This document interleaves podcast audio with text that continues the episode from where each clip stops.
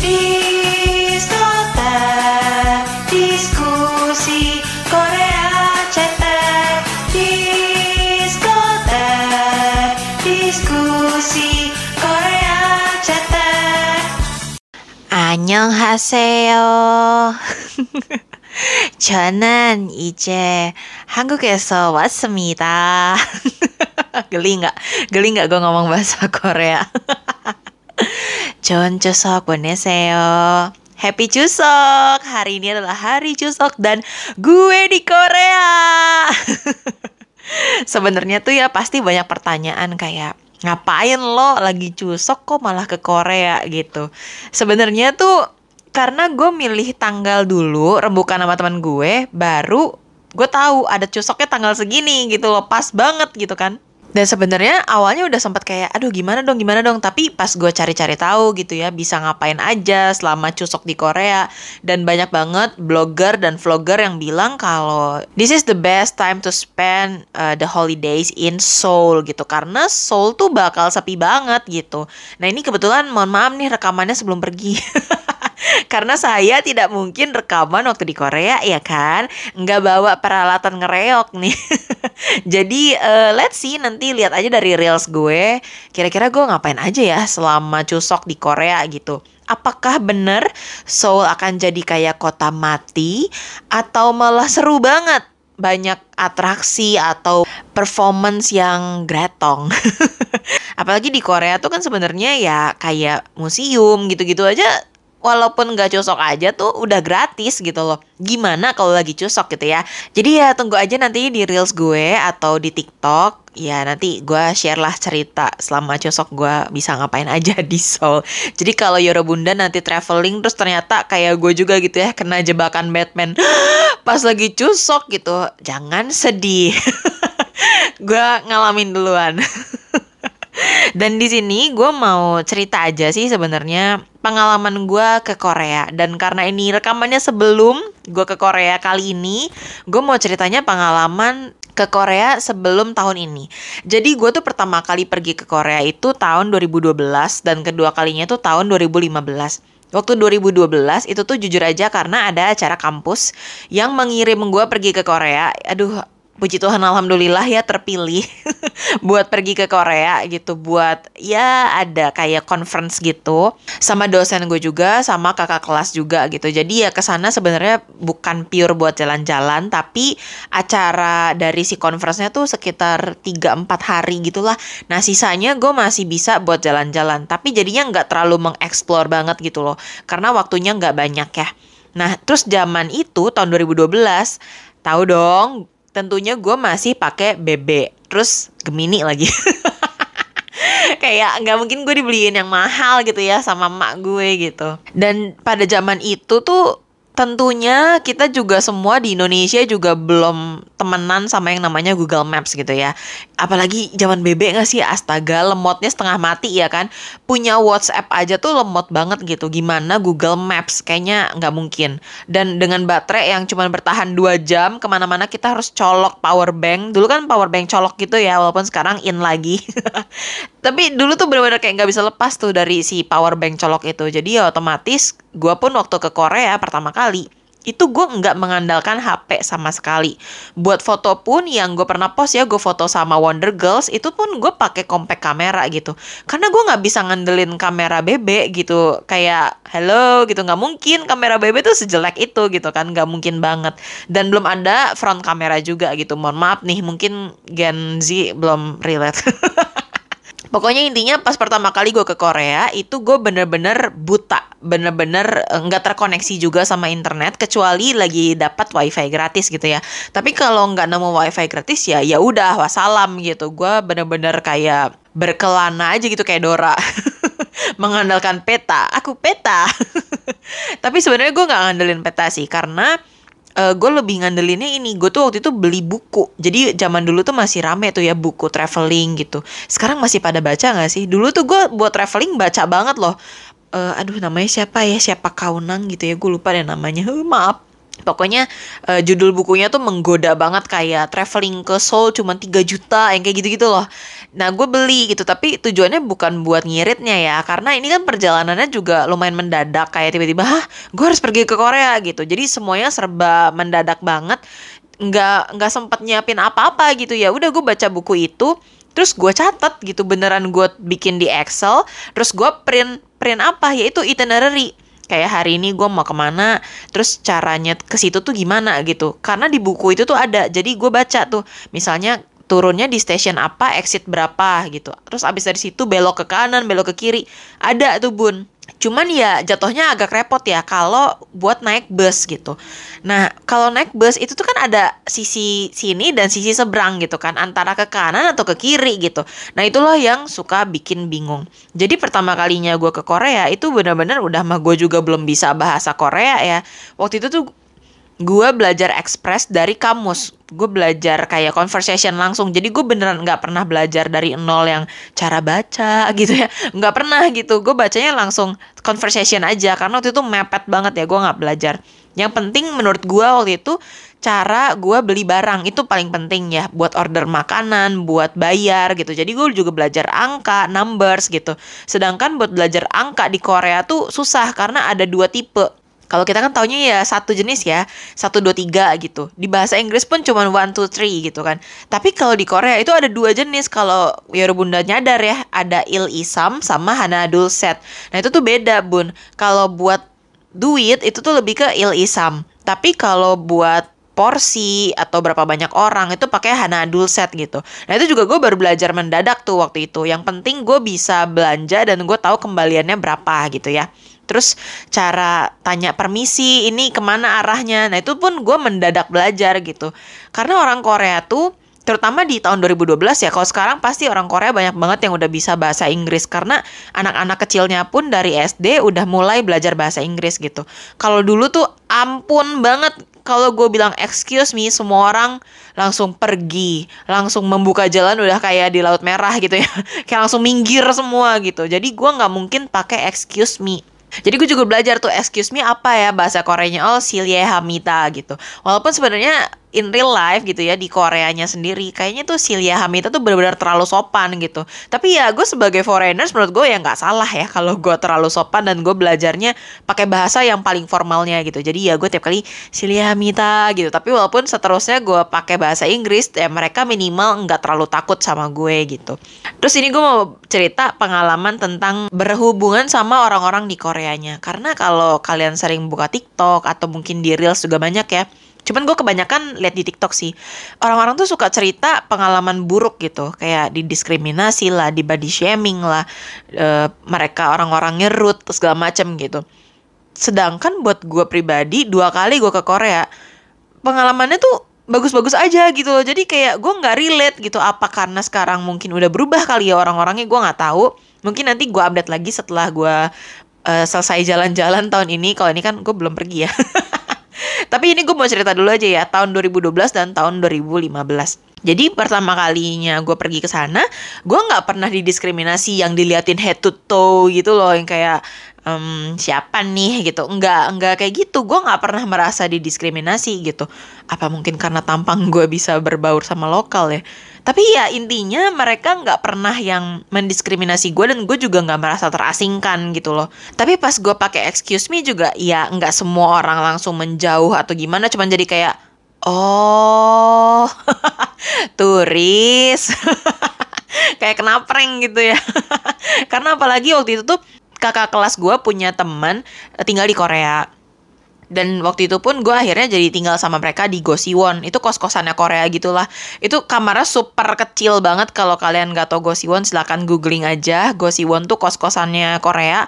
Kamarnya bener-bener kecil cuma muat satu orang. Dan di dalamnya tuh cuman ada uh, shower mandi. Nggak ada toilet buat pipis gitu. Jadi gue kalau mau pipis ya harus keluar ke toilet umumnya gitu. Nah gue tinggal di situ bareng sama temennya kakak kelas gue ini. Dan dia tuh ngajarin dia bilang kayak e, ini kamu tuh mukanya mirip lokal dia bilang gitu. Jadi kamu tuh pasti bakal diajak ngobrol pakai bahasa Korea which is gue nggak bisa waktu itu gitu. Terus eh, dia jadi ngajarin gitu. Kalau misalnya kamu diajak ngomong sama bahasa Korea, kamu balas gini aja. Hangukmal chamoteo. Intinya ya gue nggak bisa bahasa Korea gitu. Saya nggak bisa bahasa Korea gitu. Jadi setiap kali kalau gue ditanyainnya pakai bahasa Koreanya rocos, gue langsung kayak Hangukmal chamoteo gitu. Terus ada lagi gue pernah nonton di TikTok ya katanya ada eh, mahasiswa Indonesia yang tinggal di Korea, yang sekolah di Korea. Terus dia di body shaming katanya eh, dia lagi mau cobain celana dan si mbaknya yang jaga tuh kesannya kayak ngebody shaming gitu. Kesannya kayak ah ini mah nggak akan muat gitu loh sambil ngeliatin badannya gitu head to toe kayak enggak nggak akan muat deh ini gitu. Nah kalau gue sendiri jujur nih ya karena gue juga kan bukan yang langsing gitu ya bun Gue kan gempal nih badannya dan dari dulu gue juga nggak pede gitu Apalagi buat beli barang kayak baju di Korea gitu ya Itu beneran gue nggak pede banget Tapi pas gue ke Dongdaemun Si imonimnya tuh baik banget gitu Malah gue kayak suruh cobain cobain Gue udah kayak Enggak, enggak, enggak. Itu nggak mungkin cukup, nggak mungkin cukup gitu. Karena waktu itu gue suruh nyobain rok kalau nggak salah. Yalah, roknya orang Korea ya udah pendek, kecil ya kan. Gue kayak enggak, enggak, enggak, enggak, ini nggak akan cukup gitu. Gue udah nolak, enggak, ini nggak akan cukup. Please stop gitu. gue nggak mau pas dicobain terus kayak tarat, nggak cukup. Gue malu banget gitu kan. Tapi si ajumoninya tuh kayak yang udah nggak apa-apa nggak apa-apa cukup gitu. Dia bilang ini adanya size S sama M. Gue udah kayak oh MG no. Gue paling kecil aja L kali. Gue kayak nggak mau nggak mau gitu. Tapi si Ajumoninya tetap maksa kayak udah nggak apa-apa coba aja nih pasti muat pas cobain gue kayak "Hah, muat? Terus gue malah jadi seneng kayak oh MG gue masuk M-nya Korea malah fokusnya ke sana. Tapi ya si Ajumoninya seneng dong karena akhirnya ya gue beli gitu kan. Terus kayak wah ternyata muat gitu. Tapi ya itu ya gue nggak pernah dibilang kayak enggak lo nggak akan muat deh gitu. Ya layaknya penjual aja ya bun kalau ke Tanah Abang kalau ke ITC gitu. Kita kan pasti dibagus-bagusin gak sih? Kayak ini cukup kak, ini bagus, ih bagus banget sih di kakak, kayak kayak gitu kan, namanya orang jualan ya nggak sih?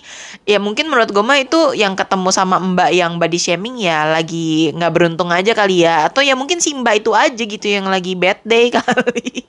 Soalnya gue nggak nemu yang kayak gitu. Nah waktu 2015 gue pergi juga eh, ke daerah Ihwa Women University. Nah kalau di Korea tuh disebutnya ID. Jadi kayak Hongdae itu kan Hongik University. Eh, university kan Daehakyo. Nah, dia tuh pakai D-nya dong. Jadi Hongdae kayak disingkat gitu loh. Nah, ini sama kayak Ihwa Women University jadi Ihwa Daehakyo jadi ID gitu loh. Nah, waktu itu gue ke ID, terus gue nemu quote yang gue pengen banget gitu. Akhirnya gue temukan di sini. Tapi dia cuman ada satu size ya. Wajar ya, Bun Korea. Terus gue kayak yang, aduh mampus nih kalau nggak muat gimana gitu kan. Udah mah gue suka banget lagi sama modelnya. Tapi si imonimnya bener-bener kayak coba aja, coba aja gitu. Terus itu juga nggak masuk ke ruangan ya, bener-bener di luar aja gitu ganti gitu. Terus si Imonimi malah kayak yang, ih ini tuh jadi slim loh, jadi bagus, jadi apa gitu.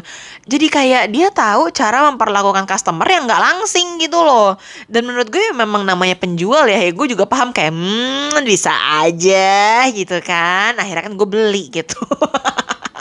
Cuman ya gue nggak dapat perlakuan di body shaming gitu ya. Jadi ya mudah-mudahan Yura Bunda juga pas ke Korea nanti jalan-jalan nggak dapat perlakuan itu ya karena gue gue aja yang segempal ini gue nggak dapat perlakuan itu gitu.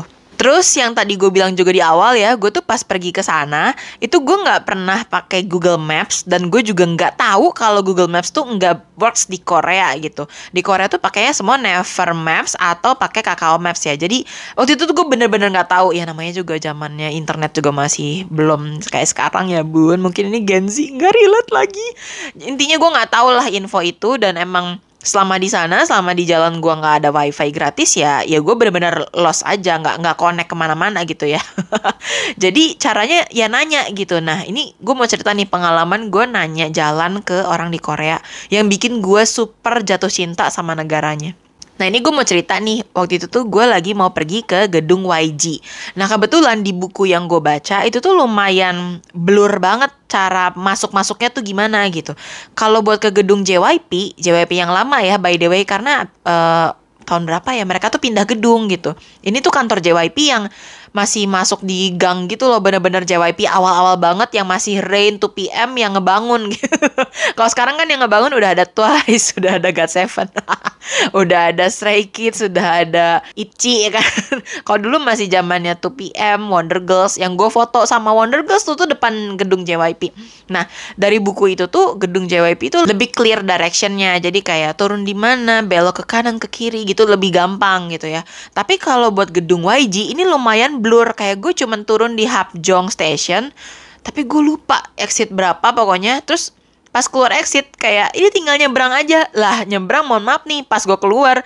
Itu bener-bener jalan raya yang super gede banget kayak bisa berapa baris gitu loh. Dan nyebrangnya kayak ada perlimaan kalau nggak salah bukan perempatan. Jadi gue beneran bingung abis itu ke mana gitu kan Terus uh, kalau menurut tips insider dari temannya kakak kelas gue itu, kalau pergi ke Korea mau nanya bahasa Inggris itu mendingan ke anak sekolah atau pekerja kantoran. Minimal mereka tuh ya basic bahasa Inggris tau lah gitu. Akhirnya gue nanya ke anak sekolahan. Waktu itu kayaknya dia masih SMP gitu ya. Gue cuma nanya, e, ya Silia Hamita gitu. Gue cuma kayak YG, YG Building, gue cuma kayak gitu doang. Terus kayaknya dia paham gitu ya, hehe, ini jangan-jangan VIP nih fansnya Big Bang. Gitu. Akhirnya dia nggak ngomong apa-apa sama sekali, satu kata pun nggak ngomong sama gue.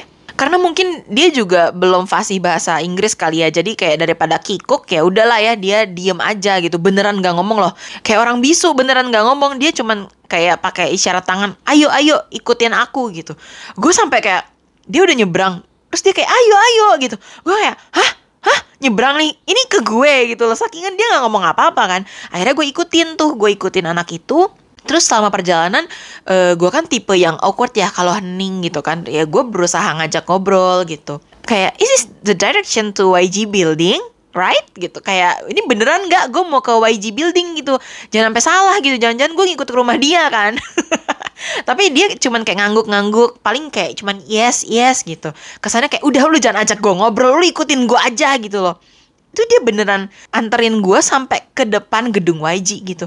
Sampai pas gue liat kan gue tahu ya bentuknya gedung YG kayak gimana kan yang agak melengkung itu loh terus pas gue lihat kayak ini bener gitu kan. This is right gitu. Terus dia baru kayak ya udah ya oke okay ya gue tinggal ya gitu loh. Terus gue yang cuman kayak thank you thank you kamsahamnida kamsahamnida udah aja pergi gitu. Ya untungnya sih uh, buat pulangnya gue hafal jalannya gitu. Jadi gue nggak perlu bantuan orang lain lagi. Tapi ya itu gue merasa berterima kasih banget ya sama anak itu gitu loh. Karena dia tuh tadinya lagi nunggu bus tapi dia jadi jalan yang lumayan jauh buat nganterin gue ke gedung YG kebayang gak sih? Yang notabene dia harus kembali lagi lagi jalan ke halte bus itu buat pulang gitu. Jadi gimana gue nggak terharu? Udah mau gue lemah banget ya emang kayak gitu-gitu. Jadi baik banget, gue sampai kayak wah gila sih orang Korea baik banget gitu dan terutama anak itu ya kayak the best. Tapi gue juga ada pengalaman lain ini di tahun 2012 juga ya sama jadi gue waktu itu tuh uh, conference-nya itu di gedung Coex. Sebenarnya Coex Mall itu sebelahnya kayak ada uh, gedung buat ini ya, kayak gedung serbaguna gitu loh buat conference, buat acara apa pun itu karena hallnya lumayan gede banget. Nah gue tuh di situ, cuman karena nyambung ke Coex Mall, jadi ya gue sering main ke Coex waktu itu. Terus uh, waktu itu tuh dosen gue bilang, udah pulangnya kamu tuh jangan naik MRT, kamu naik bus aja lebih enak, tahu lebih deket jalan ke hotelnya gitu, ke Gosiwon sih sebenarnya bukan hotel. Karena waktu itu Gosiwon gue ke MRT itu lumayan jauh ya, kayak lebih dari 500 meter kali. Capek banget jalannya bun asli deh. Kalau kalian ke Korea ya carilah yang deket sama MRT percayalah ya 200 meter aja tuh lumayan berasa apalagi kalau bener-bener tiap hari jalan terus kan kerasa banget jadi kalau bisa sih yang 100 meteran lah Tapi yang hotel gue kali ini ini bener-bener depannya langsung itu MRT. Jadi nanti gue kasih tau ya hotelnya apa. Uhuh. Nah intinya dosen gue nyuruh gue pakai bus gitu ya. Dia kasih tahu nomor busnya segini gitu. Tapi dia juga nggak ngasih tahu turunnya di nama haltenya apa. Terus gue naiknya di sisi sini atau sisi seberangnya gitu. Jadi bener-bener buta. Akhirnya gue nanya-nanya orang dong. Dan kebetulan daerah Koex itu kan daerah e, perkantoran ya kayak Gangnam gitu-gitu tuh deket tuh dari situ. Jadi gue nanya yang perkantoran. Terus gue nanya ke opa-opa. Dasar centil kamu. Tapi ya uh, opanya bukan yang super cakep gitu. Ya pekerja biasa aja gitu. Cuman ya rapi. Cuman gue nanya ke dia kenapa? Karena dia sendirian gitu. Terus ya udah gue percaya dia bisa bahasa Inggris. Jadi gue langsung nanya, eh, kan gue megang kartu nama Gosiwonnya ya yang punya tuh kayak khawatir juga sama gue gitu udah masih bocah gitu kan jadi dia kasih kartu nama dia bilang kalau misalnya nyasar ya kasih tahu orang ini suruh anterin gitu terus gue kasih lihat lah si kartu nama pemilik Gosiwon itu gue kasih lihat eh, ke opa itu kan kayak eh, this kayak I want to go to this gitu. Ini bener nggak gue eh, busnya yang di sini gitu sisinya. Terus dia bilang kayak oh iya bener-bener. Terus dia bahkan bilang eh, I go to the same way gitu kayak to the same direction dekat situ juga. Terus gue kayak oh bener ya udah lumayan gitu kan jadi kayak nebeng. Akhirnya gue naik bus bareng sama si opa ini ya sama kakak kelas gue ya. Jadi nggak berdua banget ya bun. Nggak kayak di drama nih. Kayak berdua naik bus lalu jatuh cinta. Nggak kayak gitu ya bun. Itu cuma di drama. Akhirnya gue pergi terus eh, nggak dapat tempat duduk. Jadi kita berdiri aja terus si opanya yang ngajak ngobrol karena dia juga bisa bahasa Inggris sedikit sedikit terus dia bilang ini turunnya di sini kita turun di sini gitu. Terus gue kayak yang karena gue pertama kalinya naik bus dari Koex ke Gosiwon itu jadi gue masih kayak ngangong gitu kan kayak ini bener nggak ya? Ya udah deh gue percaya aja gitu kan karena ya gue nggak bisa bahasa Korea sama sekali bun waktu itu. Baca tulis tuh sama sekali nggak bisa. Jadi udah turun aja gitu kan. Pas turun terus gue kayak yang ah kayaknya gue nggak pernah lihat daerah ini gitu. Terus si opanya kayak yang lihat lagi oh my god gitu. Kayak sorry salah turun kayak kecepetan. Harusnya gue masih turun kayak satu apa dua station lagi. Eh bukan station terminal gitu ya. Akhirnya si opa itu tanggung jawab. Dia bilang kayak yaudah yuk jalan aja gitu. Eh, aku anterin gitu. Terus gue yang kayak Hah, cincayo? Waktu itu gue cuma tau cinca, cinca wae gitu. cincayo, terus dia, iya ayo gitu. Akhirnya dianterin lah sama si opa ini jalan gitu. Ya sambil ngobrol-ngobrol dikit ya nanya kayak ke sini buat apa, di sini berapa lama, gitu-gitu. Dan beneran loh dianterin sampai depan Gosiwonnya. Tadinya gue udah pas udah deket nih sama Gosiwonnya kayak areanya gue udah tahu gitu ya karena deket area anak sekolah deket banyak pertokoan gitu gue udah tahu kayak oh ya udah udah sampai sini gue tahu gitu ya. Kayak thank you thank you udah it's okay gitu sampai sini aja gitu. Cuman si opanya tuh kayak merasa bertanggung jawab dia kekeh kayak nggak apa-apa dianterin aja sampai Gosiwon nggak apa-apa gitu. Dia khawatir juga kali ya. Terus beneran dianterin sampai depan Gosiwon gitu loh dan sampai depan Gosiwon kan gue terima kasih gitu ya kamsahamnida kamsahamnida gitu. Dianya yang selalu kayak e, josongamida gitu minta maaf terus gitu. Gue yang kayak nggak apa-apa terima kasih banget udah dianterin sampai sini gitu. Jadi dari situ tuh ya gue merasa kayak OMG orang Korea tuh sebaik itu loh. Biasa kan orang kita kalau ditanya jalan ya sekedar kayak oh ntar lu lurus aja nanti e, belok kanan belok kiri gitu kan mentok ntar belok ke mana lagi gitu kan. Tapi kalau di Korea tuh bener-bener dianterin sampai tempatnya gitu loh. Itu yang bikin gue super terharu kayak oh my god ini si opa ya udah gue bilang udah sampai sini aja gue udah tahu gitu. Dia tetap kekeh gitu kayak enggak enggak enggak sampai depan. Pokoknya kayak menjamin keselamatan gue sampai depan Gosiwon gitu loh. Huh, terharu. Tapi ya bukan kayak di drama ya bun yang tiba-tiba tuker nomor gitu ya enggak kan? Cuman ya ya udah gitu. Eh, jadi cerita indah aja gitu kayak orang-orang Korea ternyata baik juga ya bun gitu Terus di tahun 2015 itu kebetulan gue udah bisa baca tulis. Walaupun belum selancar sekarang ya jadi kayak masih mengeja gitu kayak eh, itu bacanya apa gitu masih pelan-pelan lah. Kayak kita belajar baca dulu lah masih pelan-pelan banget bacanya. Akhirnya udah bisa conversation nih sama penjual toko gitu ya udah bisa lebih paham sama mbak di rumah makan gitu ya kayak mau pesan makanan itu gue lebih ngerti gitu. Walaupun kalau mereka ngomongnya kecepatan gue masih kayak eh sorry kayak pelan dikit kayak oh maksudnya itu.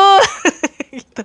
masih kayak gitu gitu ya. Yang mudah-mudahan kali ini gue pergi ke Korea ya udah lebih lancar mereka ngomong cepet. Ya mudah-mudahan gue udah lebih nangkep lah ya. Jadi di deket guest house gue itu ada tempat makanan gitu. Nah itu tuh gue beli makan kayak ayam popcorn campur di dalamnya tuh ada toknya juga gitu loh. Nah itu gue beli dan dia tuh pakai gelas kayak segede gelas kalau di Starbucks tuh gelas venti gitu loh setinggi itu. Terus ya udah beli aja temen gue udah beli duluan terus gue yang rada terakhir gitu. Karena gue kayak ngebeliin buat teman gue dulu gitu gue pesenin dulu kayak dia mau apa dia mau apa gitu kan. Terus yang terakhir pas gue beli imonimnya nanya gitu datang dari mana? gitu. Gue bilang oh dari Indonesia gitu. Terus dia kayak oh Indonesia Bali. Iya Bali gitu terus dia kayak oh Bali kago sipta gitu. Pengen banget pergi ke Bali gitu. Terus gue waktu itu karena gue masih masih benar-benar eh, terbata-bata banget ya bahasa Korea gue jawabnya kayak kaseo. Jadi kayak pergilah Padahal harusnya oseo gitu datanglah gitu. Karena kan istilahnya gue dari Indonesia gitu ya. Tapi gue malah kayak kaseo itu si monimnya agak kayak kaget gitu kayak hah gue disuruh pergi kayak kaseo tuh lebih kayak ngusir soalnya gitu loh. Jadi dia uh, rada kaget. Dan sampai sekarang gue cuman kalau inget kayak ya lah gue dulu apaan sih? Cuman jadi lucu gitu ya si Imonimnya ya paham maksud gue gitu. Karena ya gue juga bukan orang Korea kan jadi dia memaklumi Terus akhirnya ya ngobrol-ngobrol dia juga kayak oh Hangukman nomu cara seo gitu. Dia kayak bilang e, bahasa Korea gue e, eh, bagus ya gitu. Terus gue cuma kayak ah anil kamsahamnida gitu. Ya, biasa lah gitu. Oh enggak terima kasih gitu. Akhirnya ya gue cuma bahasa basi doang. Si imonimnya ngasih gue banyak banget loh ayamnya sumpah. Sampai teman gue tuh kaget kayak lo ngobrol apa masih ibunya? Lo dikasih banyak banget. Gila lihat kita dikit gini lo dikasih banyak. Sampai numpuk gitu loh sampai keluar keluar dari gelasnya. Gue sampai kayak oh iya gue nggak tahu kalau ternyata karena diajak ngobrol dan mungkin si imonimnya respect kali ya karena gue berusaha ngobrol dalam bahasa Korea gitu. Jadi dia kayak seneng aja gitu loh. Kayak ngasih banyak. Jadi menurut gue ya tips buat Yora Bunda yang mau pergi ke Korea kalau kalian bisa bahasa Korea dikit-dikit itu akan sangat membantu banget gitu. Kalian ya otomatis lebih di respect sama mereka gitu loh. Dan gue juga pernah ya pengalaman waktu tahun 2012 karena kan gue masih sangat belajar banget waktu itu ya apalagi belum bisa baca tulis. Gue waktu itu ke money changer. Terus gue berusaha banget baca duit numbers itu dalam bahasa Korea. Kayak isipman sachonon nieo kayak gitu kayak pelan-pelan banget gitu. Terus si Imonime waktu itu kayak yang ah cara nih kayak gitu. Pinter gitu. Terus gue malah dikasih lebih dong duitnya. Kayak tadinya harusnya ada recehannya gitu ya ada pecahannya. Tapi jadi kayak udah nih dilebihin aja gitu. Kayak dikasih uang jajan gue bun. Udah mau itu gue juga masih bocah ya. Jadi kayak ya kayak gemes kali ya Jadi kayak menurut gue sih uh, bisa bahasa Korea tuh nilai plus banget. Cuman dari semua pengalaman indah gue selama ke Korea yang sampai bikin gue nggak mau pulang di hari terakhir di malam terakhir gue ke Korea yang besok paginya gue pulang, gue kecopetan. Emang ya bun, namanya uh, hati-hati tuh harus tetap aja ya di mana-mana. Walaupun dibilang Korea tuh aman banget. Banyakannya di Verti Show yang nunjukin rumah katanya Korea tuh saking amannya kita tuh ninggalin paket depan pintu aja tuh kayak nggak akan ada yang ngambil gitu. Nah, gue kan kayak terlalu santuy kali ya bun. Akhirnya waktu itu tuh pas gue pulang dari Hangang, Han River, itu tuh naik bus. Teman gue bilang udah naik bus aja karena kalau harus ke stasiun MRT-nya lumayan jauh. Waktu itu gue ke Banpo. Terus naiklah naik bus gitu sama teman gue yang lagi kuliah di Korea waktu itu. Jadi gue percaya dong. Waktu itu busnya tuh penuh banget, penuh sesak. Terus salahnya gue pakai backpack tapi di belakang. Salah banget ya bun. Walaupun temen gue bilang di Korea tuh kalau ada yang nyuri pasti ketahuan karena yang di belakang lo bakal bakal teriak kasih tahu gitu. Cuman ya kenyataannya kan zaman itu juga orang-orang udah lihat HP sendiri ya bu. Bener-bener udah cuek banget lah sama keadaan sekitar gitu. Jadi pas ya tas gue dibuka diambil dompetnya ya udah gitu. Nggak ada yang lihat juga gitu ya. Jadi ya gue nyadarnya pas turun gue mau belanja apa ya kayak gue mau makanan snack pinggir jalan gitu. Loh kok nggak ada nih? Langsung lah bun ciramba ya kan nangis. Karena gue seumur hidup kayak nggak pernah nih kedapatan kasus kriminal gitu ya amit-amit gitu jangan sampai jangan sampai lagi gitu nggak mau cuman ini pertama kali dan gue benar-benar shock, kaget, nangis gitu. Sampai lapor ke polisi juga dibantuin sama temen gue kan dia udah fasih banget bahasa Koreanya. Tapi ya tetap aja ya bun susah gitu. Sampai akhirnya gue titipin juga ke teman gue kalau misalnya someday mungkin ada yang balikin gitu, tolong kasih tahu. Tapi ya capek lah gitu ikhlasin aja. Karena selama ini gue kalau kehilangan barang, gue juga bukan tipe yang barangnya balik lagi gitu loh, ngerti gak sih? Karena ada teman gue ya dia setiap kali ketinggalan apa tuh kayak balik lagi gitu. Kayak nggak ada kata hilang buat dia gitu. Tapi kalau gue tuh sekalinya hilang ya, ya udah hilang aja gitu bun. Ya sedih sih. Tapi ya itulah akhirnya gue nangis. Gue juga takut ngomong ke orang tua. Kenapa? Karena itu pertama kalinya gue pergi jalan-jalan sama teman gitu. Kalau pertama kali gue 2012 tuh karena sama dosen gitu ya, jadi kesannya ada orang tuanya gitu. Kalau ini kan bener-bener sama teman doang. Gue tuh takut nggak dibolehin pergi berikut-berikutnya gitu. Karena gue udah beli tiket buat pergi berikutnya. Emang ngebolang gitu emang suka jalan-jalan kan. Makanya gue bikin TikTok travel pecicilan. Nanti ya bun lihat ya bun. Uh, pecicilan itu adalah pengalaman cici jalan-jalan. Karena mungkin gue nggak akan jalan-jalan ke Korea doang gitu. Jadi gue nggak pakai oni lah nggak pakai ke Koreaan gitu ya. Pakai cici pakai jati diri. Itulah nanti kalian lihat sendiri kalau suka ya follow dong intinya gitu ya jadi gue tuh takut banget nggak dibolehin sama orang tua gue gitu. Sampai gue tuh setakut itu gue bilangnya ke kakak gue dulu gitu kayak tolong dong kasih tahu ke mama papa gitu. Mungkin koko gue bisa lebih baik-baik gitu ya ngomongnya. Terus uh, mama papa gue akhirnya tahu ya gue akhirnya ngasih tahu sambil nangis-nangis gitu. Cuman mama papa gue lebih ke arah kayak terus bisa pulang enggak paspornya ada enggak paspor ada gitu ya untungnya enggak diambil gitu. Udah kalau masalah uang nggak apa-apa gitu. Ya sebenarnya uangnya juga nggak kecil ya bun. Karena gue juga masih nyimpen dolar waktu itu. Cuman ya ya udahlah gitu. Emang lagi sial aja gitu. Ya udah gitu. Jadi gue ikhlasin aja tuh waktu itu. Segala KTP hilang terus ada kartu kredit juga langsung gue blok blokin abis itu ya jadi pelajaran gitu loh. Ke mana pun ya gue harus selalu waspada. Ya istilahnya di Indonesia sendiri aja di negara sendiri aja kalau gue jalan-jalan tuh gue waspada banget gitu sama barang bawaan.